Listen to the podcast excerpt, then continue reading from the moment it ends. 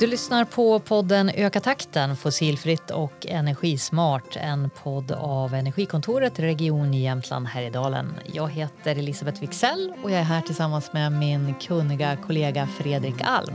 Ja, hej. Det är kul att vara tillbaka med dig i poddstudion igen, Elisabeth. Ja, men jag håller med. Och vi har ju en gäst här också idag. Mm.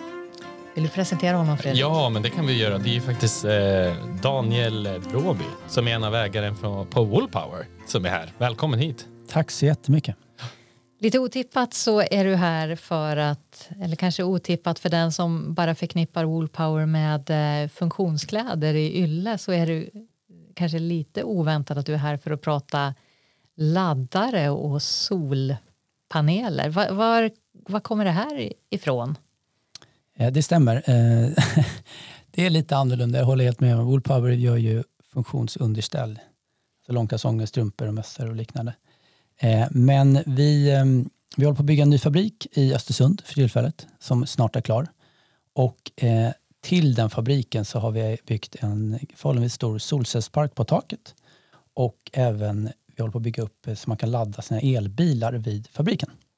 Just det. Är det liksom en del av er eh, någon strategi för att liksom stärka ert varumärke? Eller varför gör ni det? Men, grunden är att jag och min bror, som vi är givetvis som äger företaget, eh, vi brinner för miljön. Vi, eh, vi tycker det är oerhört viktigt om vi kan vara med och bidra till miljöfrågor.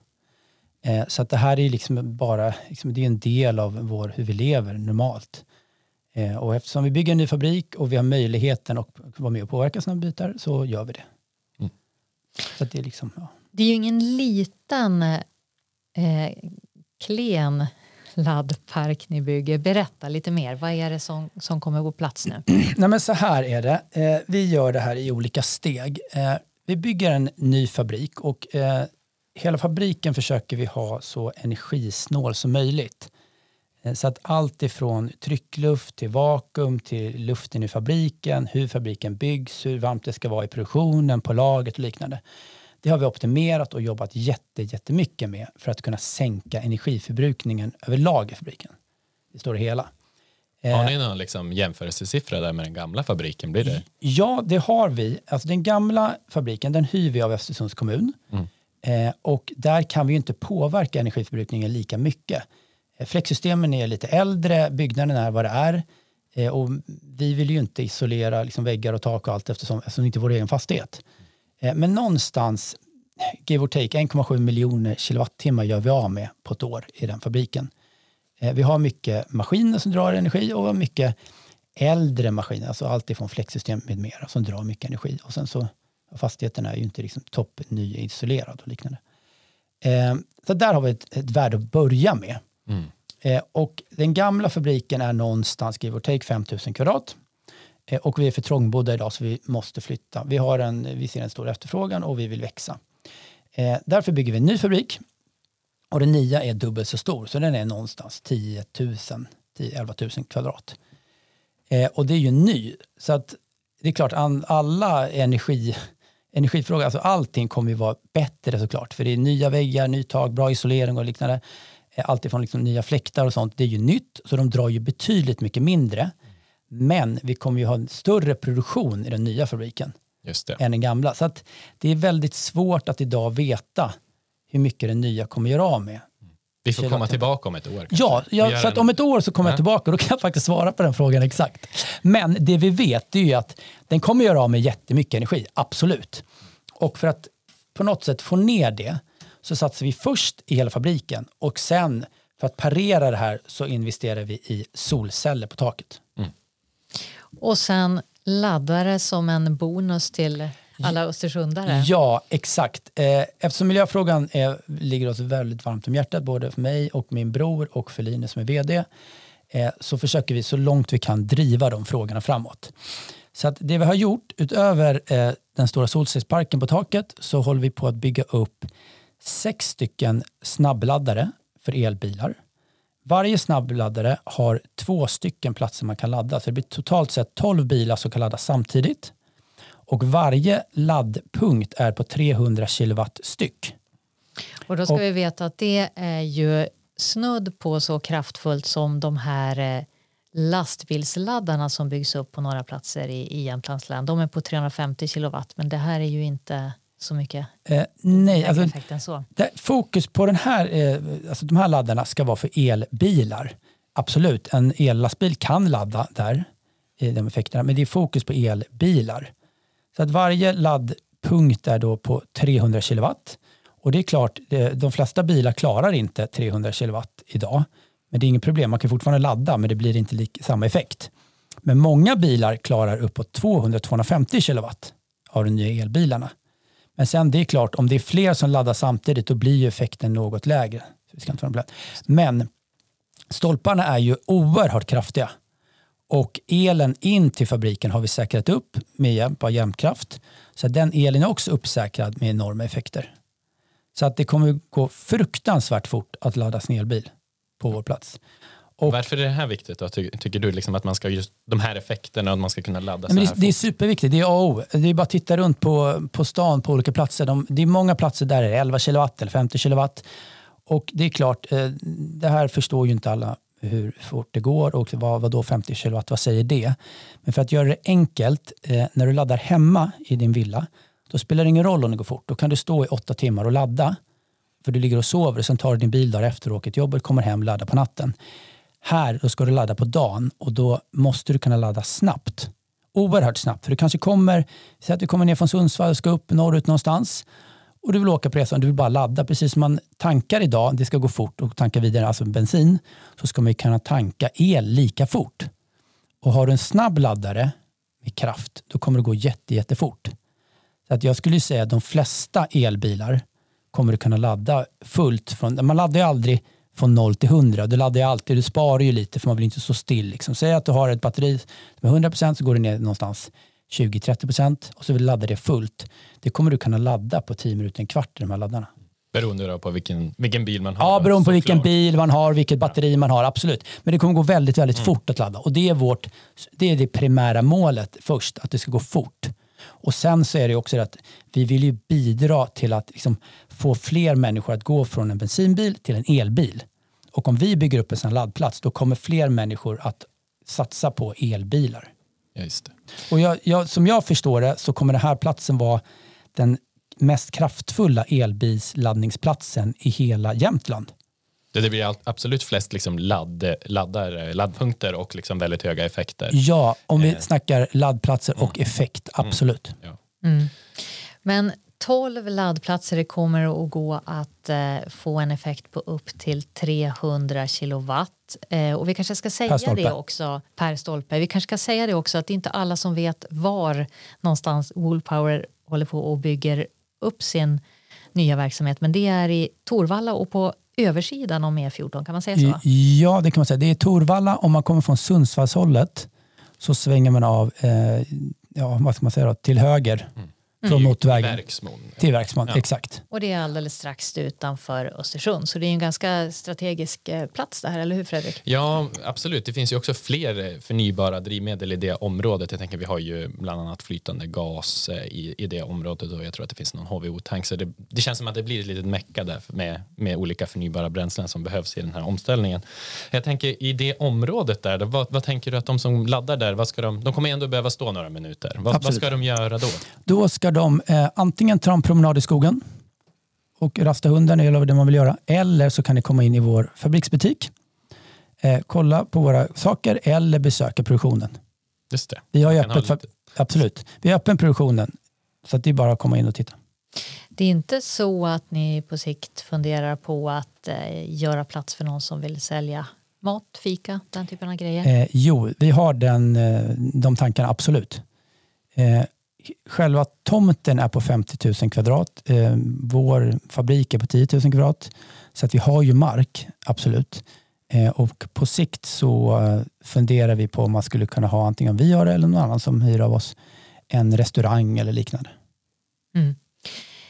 I somras så var det ju folk som cirkulerade här under Storsjökuppen bland annat som lockar mycket norrmän.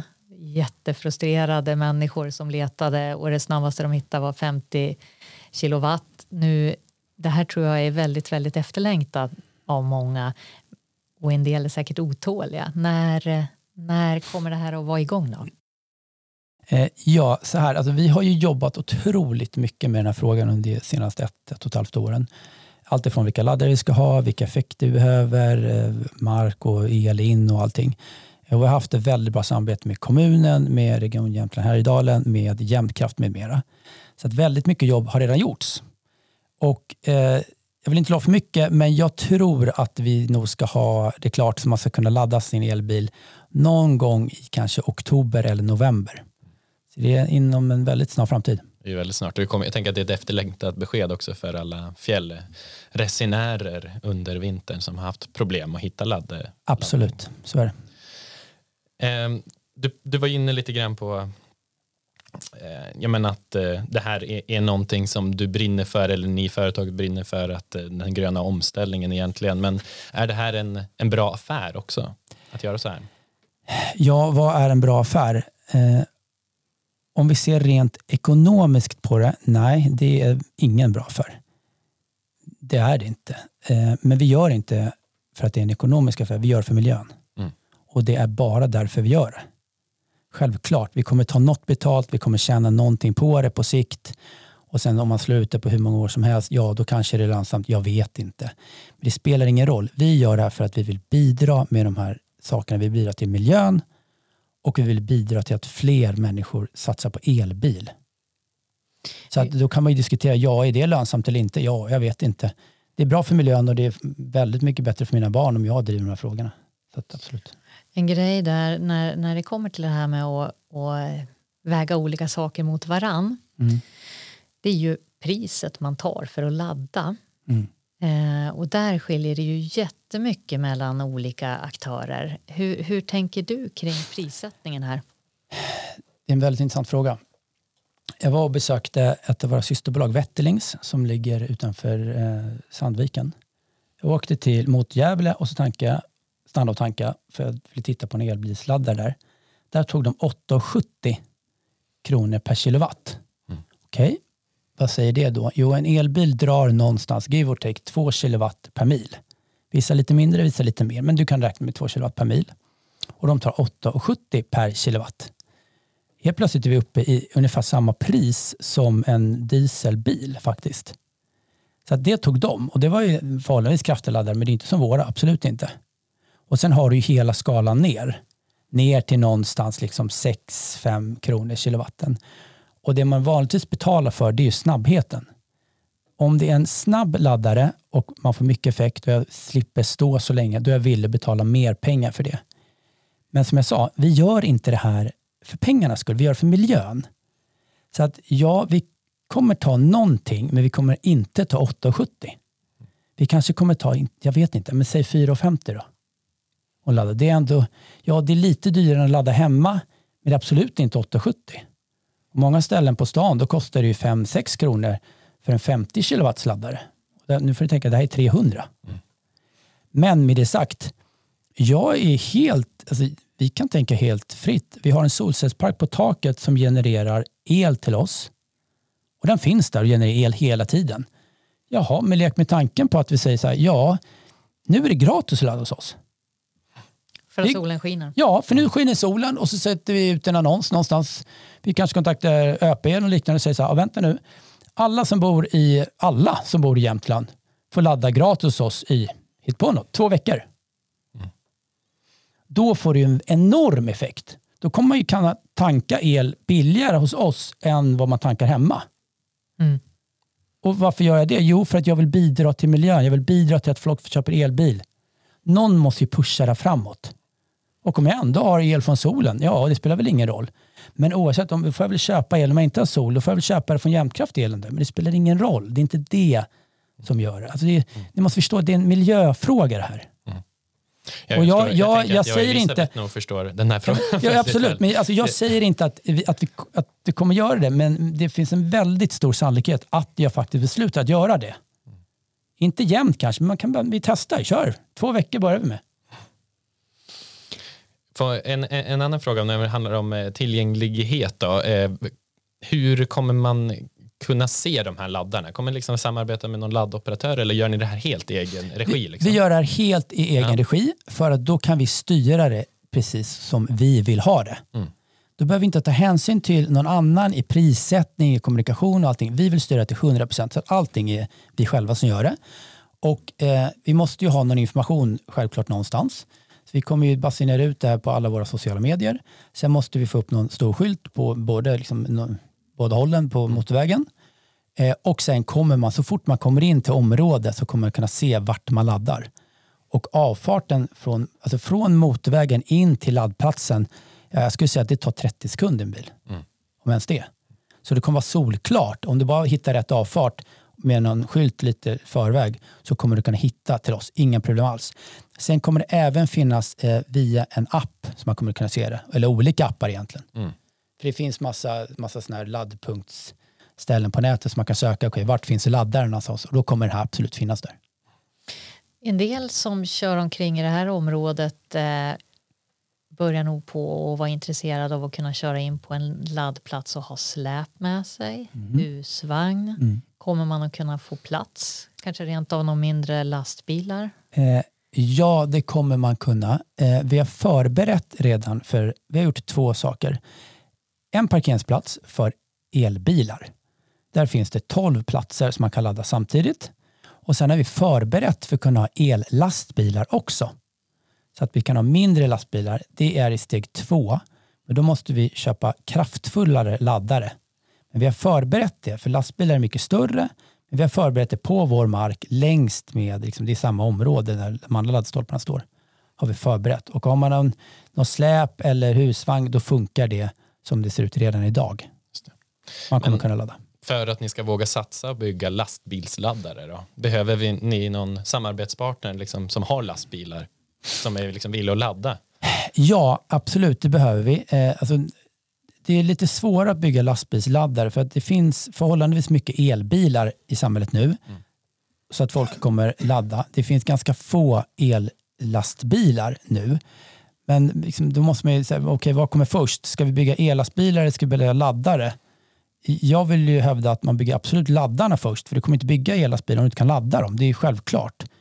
Men el, bygger du bara en ellastbilsladdare, då kan ellastbilarna komma i steg två. Och vi har, vi har diskussion med flera parter, bland annat en i, i Östersund. Just det. Som, eh, som vill ladda, men vi säger att ja, vi måste bara bygga upp eh, laddplatsen för ellastbilar. Vi har förberett allting. Det finns en plats, vi har el in i fastigheten, vi har hela infrastrukturen, allt som hör till. Det enda vi idag inte har det är pengarna att köpa de här el, eh, alltså lastladdarna. Mm. Som någon lyssnar här som kanske är verksam i området som tycker det här skulle vara en riktigt bra grej, då är det bara att höra av sig till dig. Ja, då kan absolut höra av sig till mig. Det är inget problem alls. Eh, det kan du göra. Men alltså, jag måste ju få ihop pengarna att finansiera eh, laddpunkten, alltså där, den stolpen som ska ladda ellastbilen. Eh, och de pengarna har vi inte idag. För det är fruktansvärda effekter och de är jätte, jättedyra. Mm. Vi, vi, när vi ändå pratar om pengar så, mm. så uh, vad, vad, kostar det ni gör nu? det kostar väldigt mycket pengar. Eh, vi ser det som en helhet. Vi har vägt upp allting. Eh, allt ifrån solcellerna till fabriken till laddpunkterna. Så jag har, kan inte säga en specifik peng på just laddarna i dagsläget. Men det kostar väldigt, väldigt mycket pengar. Men eh, som jag var inne på tidigare, kalkylen rent ekonomiskt håller inte. Om man skulle säga så här, bra vi ska bygga upp sex stycken såna kraftiga ladd, laddpunkter och se det ekonomiskt på, det håller inte. Men som sagt, vi gör det inte för att ekonomiskt, vi göra för miljön. Håller solpanelskalkylen då? Bara inte den heller. Nej. Om vi pratar, eh, nu pratar vi ju ändå pengar här, men ni har ju väl ändå fått lite investeringsstöd för de här laddarna också? Ja, ja, det har vi. Och eh, det är ju så att det finns massa bidrag eh, som man kan söka där ute. Och det är oftast bidraget som gör att man vågar satsa. Det gör liksom att man, man tippar över och sen, ja, okej, okay, ni gav en bidrag, tack, nu vågar jag satsa. Vi har sökt eh, olika bidrag. Vi har sökt ett bidrag för Klimatklivet för elbilsladdarna. Och det har vi fått ett bidrag därifrån. Och det var det som gjorde att vi vågar satsa på det här nu, att vi går vidare för elbilar. Vi har även sökt ett bidrag eh, som Energimyndigheten har eh, för ellastbilar. Eh, men där sa de nej tyvärr. Mm. Och det är jättesynd för att som jag sagt, alltså jag har ju hela infrastrukturen men i och med att Energimyndigheten nu säger nej så kommer vi inte bygga el, eh, alltså laddstolpar för ellastbilar. Mm. Men hade de gjort det, hade de sagt ja, då hade jag sagt bra, kanon, då ger det mig pengarna så att det tippar över så jag kan gå vidare. För jag har redan gjort allting annat som hör till. Alltså man måste ju komma ihåg att det är någon som ska driva frågan. Det är någon som måste lära sig vilken teknisk information behövs, vilka laddare ska vi ha, hur ser infrastrukturen ut, parkeringsplatser, elen in. Allt det är löst och inte minst marken. Det är redan löst. Det enda jag behöver är laddstolpen som ska finansieras. Men tyvärr, Energimyndigheten säger nej och då kommer det inte bli några elladdstolpar för lastbilar. Och det är supersynd, supersynd det där. Mm. Åtminstone inte just nu. Nej, inte just nu och eh, inte så länge vi inte får det här bidraget tyvärr. Mm. Och det är, liksom, det, det, är en realitet. Vi har en hel fabrik som vi har byggt, vi har massa människor som vi håller på att anställa, vi har massa maskiner vi håller på att bygga, köpa in. Det kostar väldigt mycket pengar och då att gå ifrån vår kärnverksamhet och säga så här, vänta vi ska satsa på laddning av lastbilar, det är så långt ifrån produktion av underställ du kan komma nästan. Det, det, gör man inte. Liksom. Jag förstår. Mm. Och då måste jag få ett bidrag för att kunna våga göra det. När vi ändå är inne och pratar på bidrag, Fredrik, ja. du har ju läst på lite. Det finns ju inte det här som Daniel efterlyser just nu, stöd till byggande av lastbilsladdning. Nej. Men däremot så är det ju en del på gång när det gäller billaddning.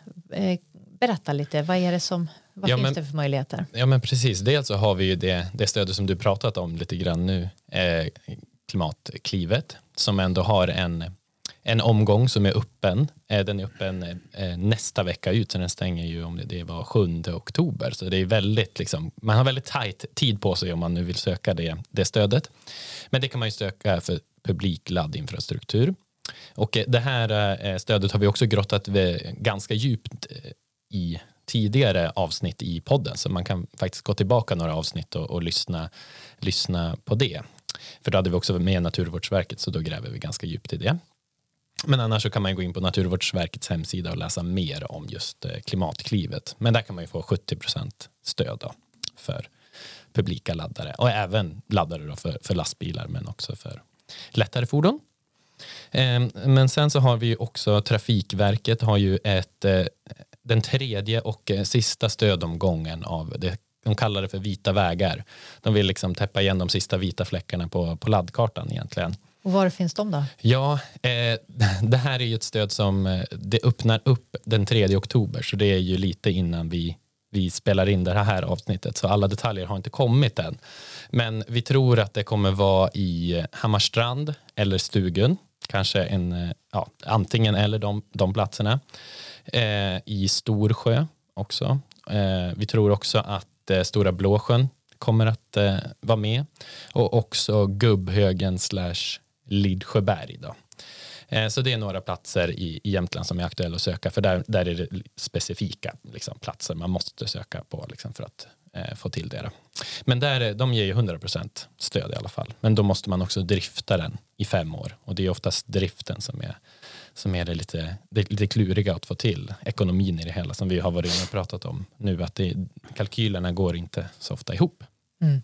Daniel, hur skulle du vilja att, att de här stöden utformades så att det blev någon fart på det här? Nej, men alltså, man måste göra om hela stödprocessen. För det första, varför har ingen ens kontaktat mig och besökt mig och tittat på fabriken vi bygger, på platsen? Vare sig om det är eh, Energimyndigheten på det stödet för lastbilar eller från Klimatklivet.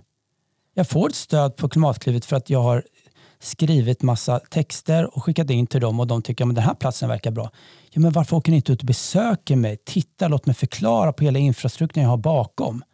Det är det första, man måste göra en jättestor förändring. Men då och, tänker du på i själva liksom ansökningsprocessen? I själva ansökningsprocessen. Ja. Jag vet att de gör tillsyn i efterhand. Alltså så ja, det är klart de gör det. De gör tillsyn i efterhand. Titta. Men mm. innan, mm. för, för det är först när man gör en tillsyn, det är då man förstår. Oj jösses vilken infrastruktur ni hade bakom här. Mm. Det förstår man inte bara att skriva massa texter. Och sen är det också det att Ja, du säger man kan få 70 procent och det finns klimatklivet. Jo, det är jättebra. Det är supersvårt att få de här stöden. Jättesvårt. Eh, vi är en koncern, vi har fyra producerande bolag. Jag har beskrivit varje producerande bolag för sig. Jag har beskrivit liksom hur bankrelationen är, jag har beskrivit hur, vad jag och min bror, vad våra bakgrunder är. Alltså, det är en bibba på hur många papper som helst som de måste ha svar på. Så det tar ganska lång tid att skriva ansökan och det är ganska komplext och man får massa frågor som man måste besvara hit och dit. Så att den processen är ganska svår, mm. tyvärr, att komma fram med den. Och sen är det också det att jag sökte Klimatklivet som jag sa, liksom i, jag sökte det i våras och fick nej. Och då fick jag nej för att de ansåg att den laddplatsen vi nu har, eh, man hade ju en investering som jag sa, det här kommer kosta så här mycket och sen så vill jag ha då x antal pengar i bidrag. Och då sa jag att får jag de här pengarna så kommer det kunna laddas så här mycket och då kommer det, vi få ut så här mycket kilowattimmar på den här laddpunkten totalt sett. Och då fick jag till svar att nej, det där är inte seriöst för du kommer inte få ut så där mycket kilowattimmar på den laddpunkten. Och, och då tänkte jag, men vad vet du om det? V vad vet ni om det? Alltså, det är jättekonstigt men då har ju de sina kalkyler och då säger de så här, jo men utifrån våra beräkningar, normal laddpunkt ska se ut så här och då kommer man kunna ladda så här många gånger på 24 timmar på en plats och då kommer du få ett x antal kilowattimmar och då blir klimatnyttan så här. Mm. Och du har uppgett att den är mycket, mycket större och det är inte seriöst så då, ge, då får du inte det här bidraget. Jaha, sa jag, men okej, då får jag väl ändra det då. Så då skickade jag in samma ansökan igen. Med samma texter och allt lika. Men ändrade då, drog ner hur många jag tror kommer ladda där. Och då fick jag igenom ansökan. Och det är, det är ju det är jättemärkligt. Så en, en förenklad men, ansökningsprocess? Och ja, och gör om hela ansökningsprocessen. Men, och det, som jag sa, så här, jo, men vad händer om jag säger till hela Östersund, kom och ladda i två veckor gratis. Mm. Ni, ni tankar billigare hos mig än vad ni gör hemma i villan. Liksom jag tror att det kommer vara många som laddar där eller få. Det är självklara svaret. Det kommer vara jätte, jätte, jättemånga som laddar där. För alla vet att det är mycket billigare att åka dit och ladda på Allpower än att ladda hemma.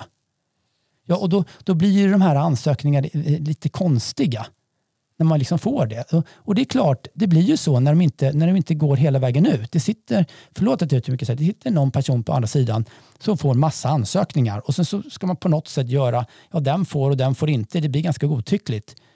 Kom ut och besök mig istället och se, träffa mig och låt mig förklara hur kommer det se ut just din ansökan på din plats. Och jag tror att man måste lägga otroligt mycket mer mm. resurser bakom varje ansökan än vad faktiskt sker i dagsläget. Och jag vet ju det här som jag har sökt bidraget flera gånger. Både Klimatklivet flera gånger och fått ett nej, sen fick jag ett ja och sen har jag även sökt för lastbilarna. Jag tror att det är, det är Energimyndigheten som har ansvaret för men man gör ansökan till en annan. Jag tror att det är Naturvårdsverket. Men du Daniel, om vi lämnar det här som gör dig på lite dåligt humör och ja, så okay, pratar vi om roligare saker. Nej, men jag är inte dåligt humör, jag bara, ja, Ja, nej, men jag, jag förstår mm. frustrationen. Frustration, det är en frustration. Absolut. det, är inte, det är ju flera som signalerar att det är oerhört svårt att söka Klimatklivet mm. och, och, mm. där kan ju rekommendationen vara att, att ta hjälp också, Fredrik. Eller ja, absolut. Man kan ju ta hjälp av eh, dels oss på Energikontoret kan man ju få hjälp av och sen så finns det ju handläggare på både Länsstyrelsen och Naturvårdsverket som man kan vända sig till för att få hjälp och stöd i till exempel man, hur man ska formulera sina texter. Och de får gärna, från Klimatklivet, vem det nu är, får gärna komma och kontakta mig och jag kan komma dit och eh, med lite tips, med lite tips och vi kan brainstorma hur det här nya ansökningen ska Jag läste, när jag kollade lite grann om Klimatklivet i, i morse, att eh, från 2015 och till nu, ja, till den senaste omgången, då har man eh, fått in ansökningar för 10 miljarder och bara i den här ansökningen som var till nu i september så har man fått in 10 miljarder i ansökningar. Så det har liksom exploderat antal företag. Så det är jättemånga fler företag än som har hittat, organisationer och andra såklart också, som har hittat till Klimatklivet och verkligen ser nyttan, nyttan med det. Så de får mer att göra. Då kanske det blir ännu mindre av den där varan du är ute efter. Då. Men, men det är ju det är positivt att det är så många som är villiga att, eh, att ändå gå igenom den här processen och söka eh, för åtgärder som ändå minskar klimatpåverkan, tänker jag. Ja, nej men det är ju som du säger Fredrik att det är hårt tryck på det här och det kan ju bero på olika saker. Det kan bero på att, att företag är ganska desperata för att, att eh, kostnaderna blir så höga. Det kan vara att eh, miljötänket börjar, börjar komma på en annan nivå som, som du vittnar om Daniel. Absolut. Men eh, vi har ju ett nytt läge, det är ju helt, helt klart och det bidrar också till, till omställning. Daniel, om vi blickar lite framåt. Du verkar vara en fartfylld man.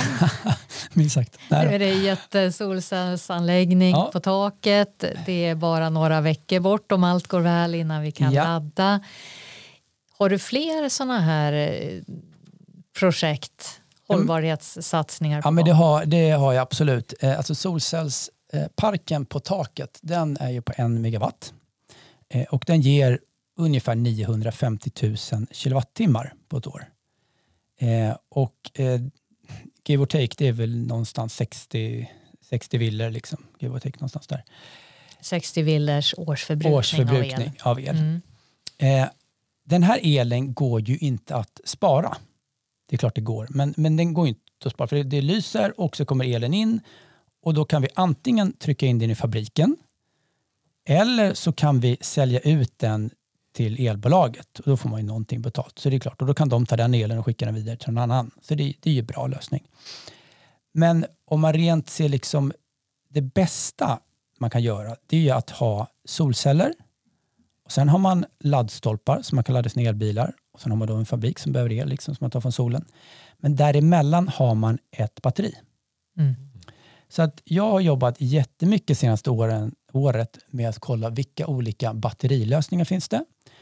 Och jag har varit i kontakt med ABB, Hitachi, Tesla med flera, Northvolt eh, och kollat okay, hur ser era lösningar ut, vad kan ni göra och den biten. Och då är det inte bara ett batteri som ska stå någonstans, det är en hel energilösning.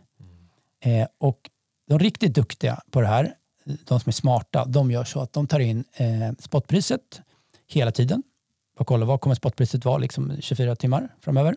För det kan man ju läsa ut bara. Eh, och så tar man in det i sina kalkyler och så tittar man på hur mycket el gör ni av med och hur mycket kommer ni då eh, göra av med i laddstolparna. Det vet man ju inte dock, men vi vet ju ungefär hur mycket fabriken gör av med och den bitarna. Och sen gör man så att man använder elen olika. Antingen köpa in den från elnätet eller ta elen från solcellerna. Eller, för det är ju bara två ställen kan komma från, solen och elnätet. Men har jag ett batteri då kan elen komma från en tredje plats. Då väger den in det här i systemet och tittar, okej vart ska vi ta elen ifrån från de här tre ställena?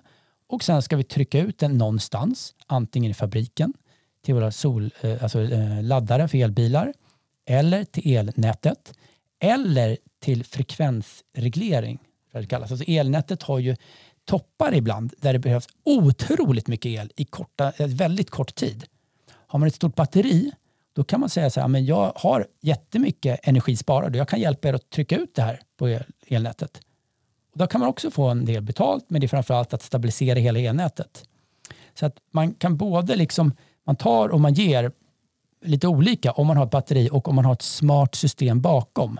Och det är det jag vill ha. Jag vill ha ett smart system bakom som lirar med alla de här grejerna tillsammans med en stor batterilösning. Just det. Men det här är, nu pratar vi ganska mycket pengar på Ja. de här grejerna. Men vi, vi håller på och tittar och spånar på de här grejerna om vi ska kunna ha det. Det är väldigt intressant. Men vi börjar prata mer om batterilagring överallt. Alltså även redan från ja, men i, i villan hemma och till bostadsrättsföreningar som också har solceller på taket men vill kunna nyttja kraften själv fast på natten och sådär. Och nu företag Nira. Och det är klart, och det är klart vi, vi kör i stort sett dygnet runt för 23 skift eh, och så. Men det är klart, om vi har mindre produktion på en helg, vilket vi har, och solen skiner väldigt mycket på en söndag till exempel. Det är klart att vi kan ta den solen och trycka in den i vårt batteri på söndagen. Och sen när vi kommer på måndag när vi sätter igång elmaskineriet, om vi då kan ta den elen från batteriet in i fabriken istället för att köpa den på öppna marknaden, då är det mycket bättre. Mm. Vi kan lagra elen. Ja, men spännande. Välkommen tillbaka när, att- när den är på plats. Så det håller vi på att kolla på faktiskt nu. Och vi har kommit väldigt långt i de Ja. frågorna.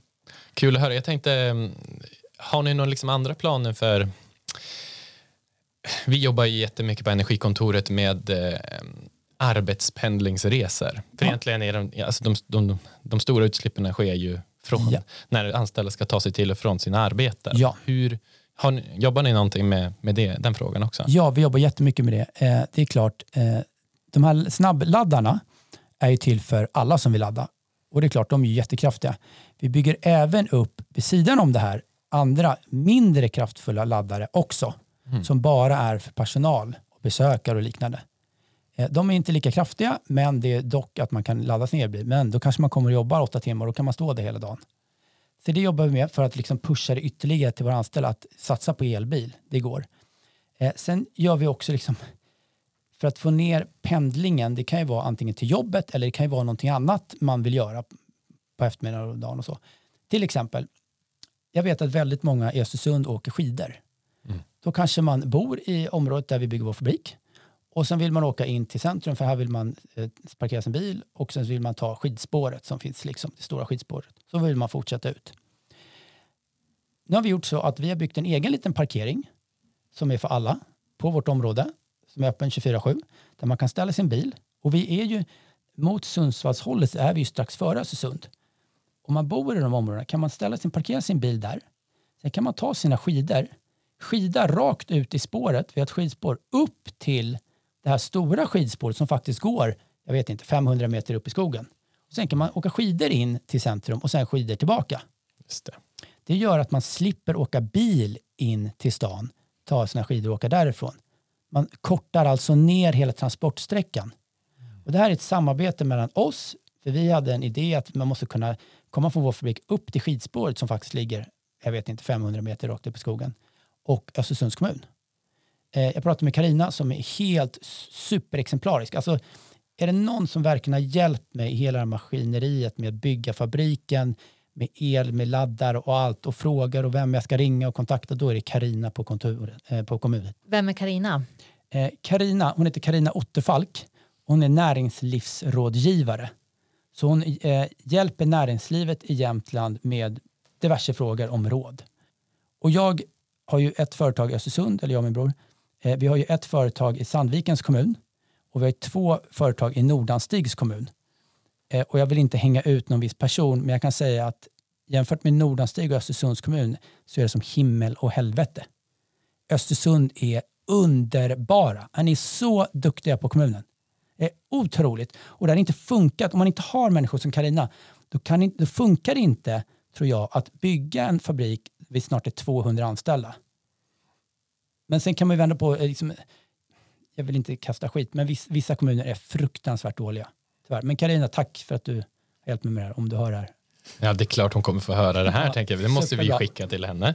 Det, det, det, jag tycker Men, det är väldigt härligt att höra att ni har liksom ett större tänk om skidspåret. Och ja, bara liksom avsluta skidspåret. Det hon gjorde det var att hon kontaktade en person på kommunen, jag ja. kontaktade den människan, vi hade ett möte. Kommunen upplåter marken så att vi kan skida på deras mark. Just det. Superbra gjort, tack. Grymt. Ni, ni verkar ju verkligen ha ett helhetstänk. Mm. Eh, dyker upp en fråga till kring det här helhetstänket. Någon ska ju köra iväg eh, alla de här funktionsunderställen som ni gör. Hur ah. tänker ni runt transporterna där? Har ni även någon tanke runt det? Vi ligger ju eh, vägg i vägg med Postnord. Så de kommer med stor sannolikhet transportera ut det här. Eh, så de satsar ju väldigt mycket på ellastbilar som jag förstår det. Och det är klart, det normala vore ju att vi har ett samarbete med dem så de kan tanka kanske gratis på vår fabrik och sen så kan de skicka sina bilar. Mm. Så vi fokuserar väldigt mycket på transporter. Absolut. Härligt. Eh, det här, våran tid börjar ju ticka Ja, det, det är så himla va? intressant så man får, man får ju vara fler och fler frågor. Men jag tänker att vi ska avrunda här och tack så jättemycket att eh, du har varit med idag och berättat om allting, allt bra som ni gör på Woodpower. Tack så jättemycket för att jag fick vara med. Jättespännande. Och sen så är vi tillbaka med ett rykande färskt avsnitt om ett par veckor. Har man förslag på vem eller vad vi ska ta upp där så går det jättebra att bara mejla till oss, energikontoret regionjh.se. Ja, och så har vi ju lite finansiärer på det här avsnittet. Håll i hatten nu för det är många. Eh, dels har vi Europeiska regionala utvecklingsfonden, Region Jämtland Härjedalen, Region Västernorrland, Länsstyrelsen Västernorrland och Länsstyrelsen Jämtland. Sen har vi också Biofuel Region, Hemab, Kramfors kommun och Sollefteå kommun. Dyrt avsnitt det här nästa yeah. ja, men, eh, tack så jättemycket för att ni har lyssnat och på återhörande. Tack.